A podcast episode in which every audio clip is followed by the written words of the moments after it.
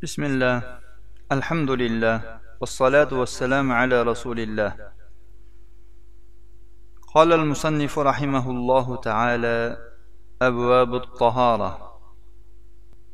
مصنف رحمه الله طهارة بابلر dedilar قال الله تعالى إن الله يحب التوابين ويحب المتطهرين. Baqara ikki yuz yigirma ikkinchi oyat.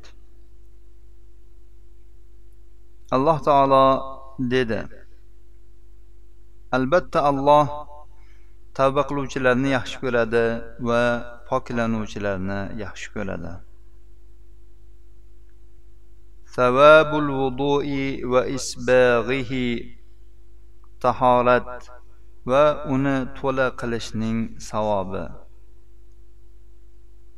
قال الله تعالى يا أيها الذين آمنوا إذا قمتم إلى الصلاة فاغسلوا وجوهكم وأيديكم إلى المرافق وامسحوا برؤوسكم وأرجلكم إلى الكعبين. وإن كنتم جنبا فاطهروا وإن كنتم مرضى أو على سفر أو جاء أحد منكم من الغائط أو لامستم النساء فلم تجدوا ماء فتيمموا فتيمموا صعيدا طيبا فامسحوا بوجوهكم وأيديكم منه ما يريد الله ليجعل عليكم من حرج ولكن يريد ليطهركم وليتم نعمته عليكم لعلكم تشكرون. ما مائدة 6 آيات الله سبحانه وتعالى ushbu oyat kalimada اي ايمان iymon keltirganlar namozga turishni iroda qilgan paytingizda yuzlaringizni va qo'llaringizni tirsaklarigacha yuving. Boshlaringizga masx torting.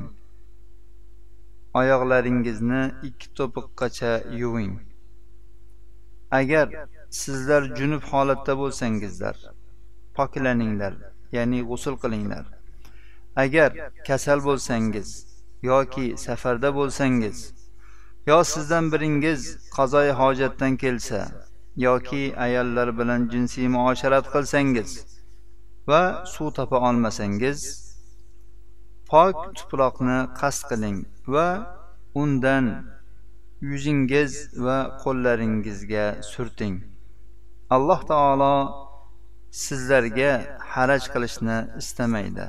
va lekin u sizlarni poklashni va sizlarga ne'matini to'la qilib berishni xohlaydi shoyatki sizlar shukur qiluvchilardan bo'lsangizlar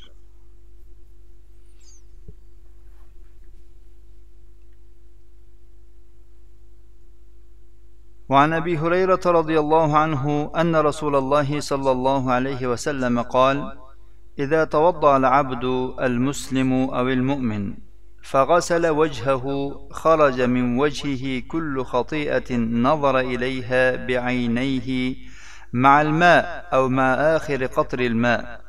فإذا غسل يديه خرج من يديه كل خطيئة كان بطشتها يداه مع الماء أو مع آخر قطر الماء.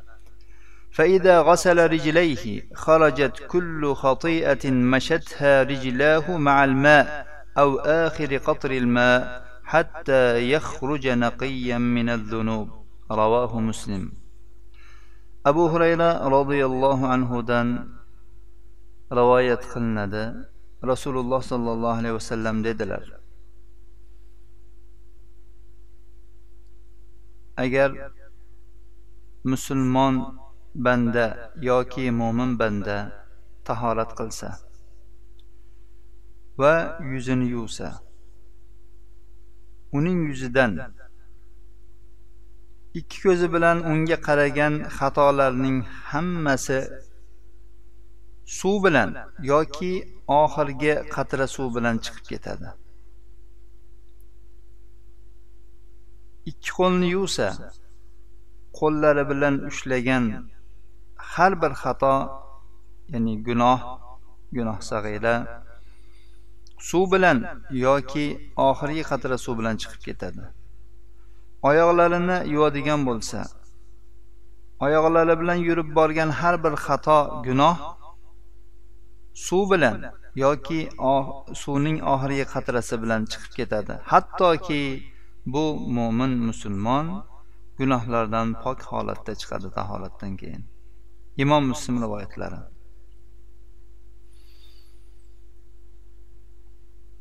Bu hadisda taholatning savobi naqadar ulkanligi bayon etilmoqda.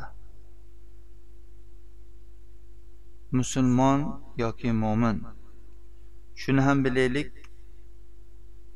musulmonlik bir daraja mo'minlik bir daraja. Mo'minlik musulmonlikdan ko'ra yuqoriroq darajadir. Har ikkalasi kim bo'lishidan qat'iy nazar tahorat qiladigan bo'lsa ko'zi bilan qilgan xatolari ya'ni qarashi harom bo'lgan narsalarga qaragan bo'lsa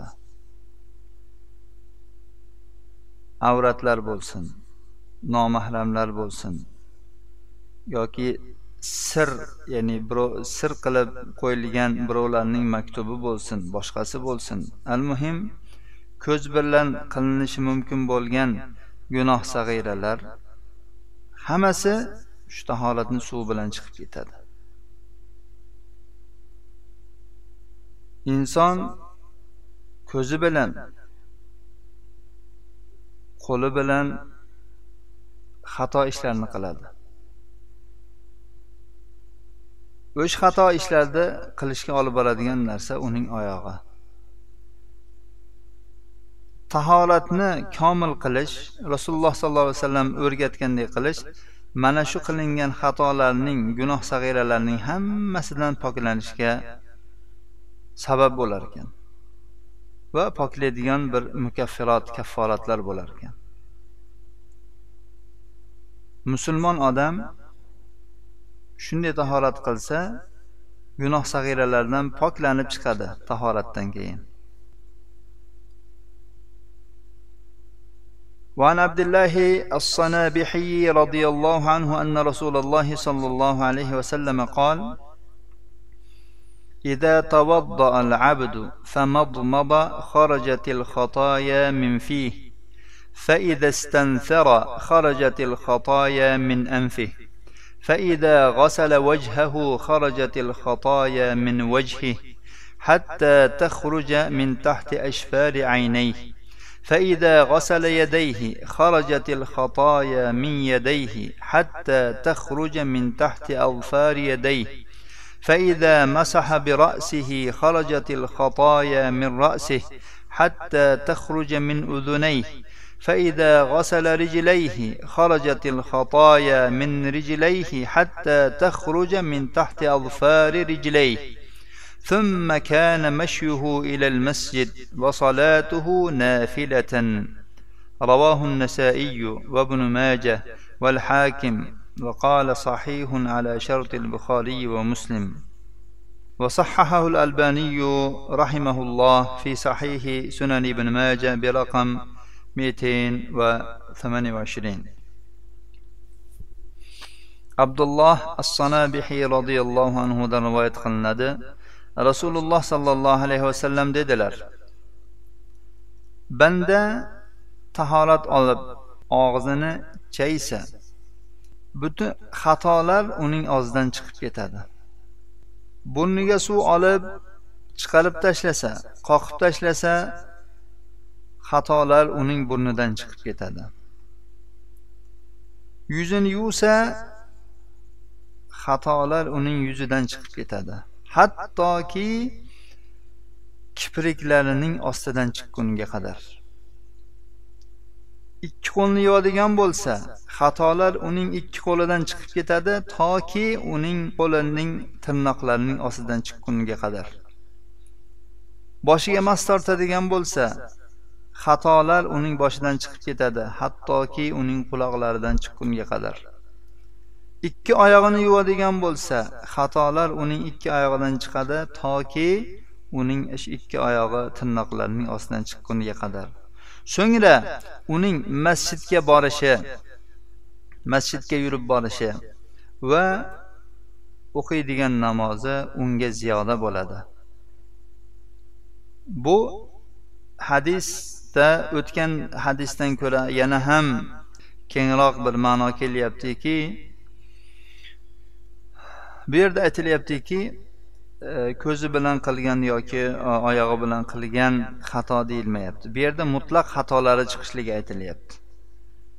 Uni qanday gunoh sag'iralar qayeri bilan qilgan bo'lsa ham qilgan xatolari shu a'zolarni yuvish bilan chiqib ketadi deb aytilmoqda. Bundan tashqari ya'ni bu musulmon odamning gunoh sag'iralari qolmagandan keyin shu tahoratni chiroyli qilganda endi uni masjidga borishi va u yerda namoz o'qishi unga qo'shimcha bir hasanot bo'lyaptiki qo'shimcha bir ziyoda bo'lyaptiki. Endi bu qilgan ishlari shu yurib borishi boshqa bir hadislarda keladi har bir e, qadamiga ajr olishligi haqida hasana olishligi haqida. Endi bu qilgan keyingi amallari gunoh sag'iralar topolmasa ya'ni kafforat bo'ladigan ularni yuvib tashlaydigan gunoh sag'iralar topolmasa endi uning darajasini yuksalishi bo'ladi. Imom navaviy aytganlarki bu amallar gunoh sag'iralarni yuvadi. Agar gunoh sag'iralar qolmasa gunoh kabiralarni yengillashtiradi deganlar yoki uning darajasini yuqori qiladi. Endi qilgan amallari uning darajasini yuksalishiga sabab bo'ladi. Bu alloh subhanahu va taoloning ummati muhammadga bergan fazllaridandir. Bu hadisni nasoiy ibn moja va hokimlar rivoyat qilganlar. Hokim bu hadisni buxoriy va muslim shartiga ko'ra sahih deganlar. Ibn mojaning sahihlarida ya'ni shayx alboniy e, tartiblagan sahih ibn mojada ikki yuz yigirma sakkizinchi raqam bilan bu hadisni shayx alboniy sahih sanaganlar قال المصنف رحمه الله قلت ورواه مسلم في حديث طويل عن أبر بن عبسة نحوه وزاد في آخره فإن هو قام فصلى فحمد الله وأثنى عليه ومجده بالذي هو أهله وفرغ قلبه لله تعالى. illan sarafa min xatiatihi kayawmi waladathu ummu musannif aytadilarki imom muslim amr ibn absadan e, bir uzun hadisda rivoyat qildilar. Shu kabi ma'noda. Faqat u yerda mana bu so'zlar ziyodasi bor. Taholatdan keyin u banda tursa va namoz o'qisa namozida alloh taologa hamd va sanolar aytsa alloh taolo loyiq bo'lgan ulug'lash e, ulug'liklar bilan uni ulug'lasa ulug'lasa. Va qalbini olloh taolo uchun bo'shatsa. Ya'ni namozida Alloh ya'ni qalbini faqat Alloh uchun bo'shatib qo'ysa tijorat bozor uchar bola chaqa va hokazo hamma narsadan qalbini forig' qilib faqat alloh taoloni o'ziga qalbini xoli qo'yadigan bo'lsa u odam gunohlaridan xuddi onasidan tug'ilgan kundagidek chiqib ketadi ya'ni onasidan tug'ilgan kunda bir biron gunohi bo'lmagan xuddi shunday bo'lib qoladi هذا وصلى الله على نبينا محمد وعلى آله وصحبه وسلم